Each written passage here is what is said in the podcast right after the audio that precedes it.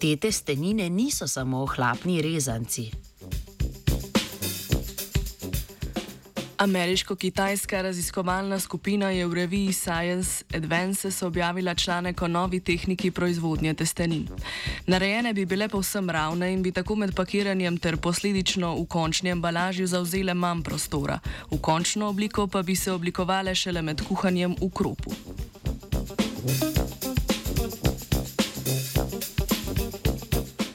Ljubitelji testenin so zelo izbirčni glede njihove oblike in načina združevanja z različnimi omakami.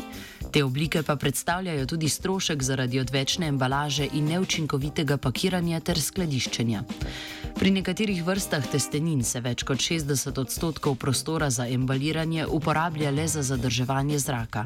V letu 2019 je bilo proizvedenih 16 milijonov ton testenin, največ, kar 23 kg na prebivalca na leto, pa zaužijajo italijani.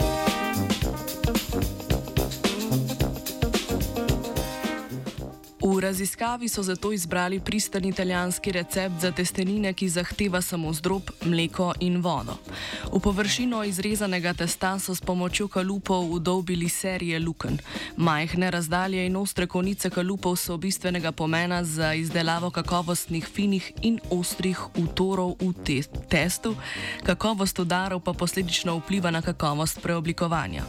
Testenine na to dobijo tridimenzionalno obliko zaradi razporeditve vode v testu med kuhanjem, tam, kjer udre več vode, se testo bolje raztegne.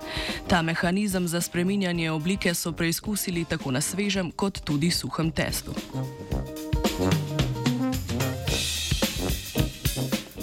Sledili so običajnemu postopku priprave testenin, torej da so vzorčne testenine dali v vrelo vodo. Testeninsko testo je doseglo največjo upogibno ukrivljenost po, sed, po 7 do 12 minutah kuhanja, ko so bile testenine kuhane al dente. A proces ukrivljanja je transienten in ima komplicirano časovno dinamiko temelji na mikroskopskih kinetičnih difuzijskih procesih, zato je s to metodo trenutno težko izdelati testenine poljubnih ali avtentičnih oblik. Avtori in avtorice so za boljše razumevanje mehanizmov krivljenja izdelali mikroskopski računski model. Najprej so ga testirali tako, da so njegove napovedi primerjali z gibanjem trakov modelnega materijala polidimetiloksana.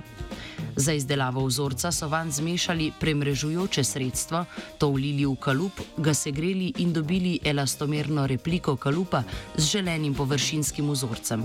Na to so se še prepričali, da isti mehanizem opisuje tudi testeninsko meso, testo.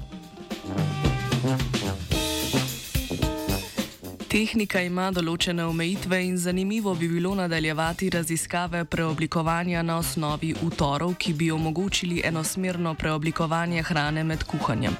Zato bi bilo po besedah avtoric in avtorjev pomembno razviti natančnejši model za napovedovanje končne oblike danega materijala na podlage površinskih udolbin.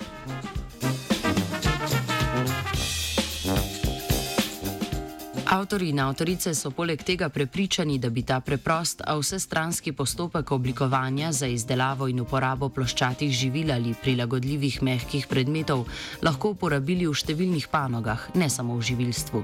S tem bi se zmanjšala zapletenost strojnih postopkov in poraba proizvodnih virov.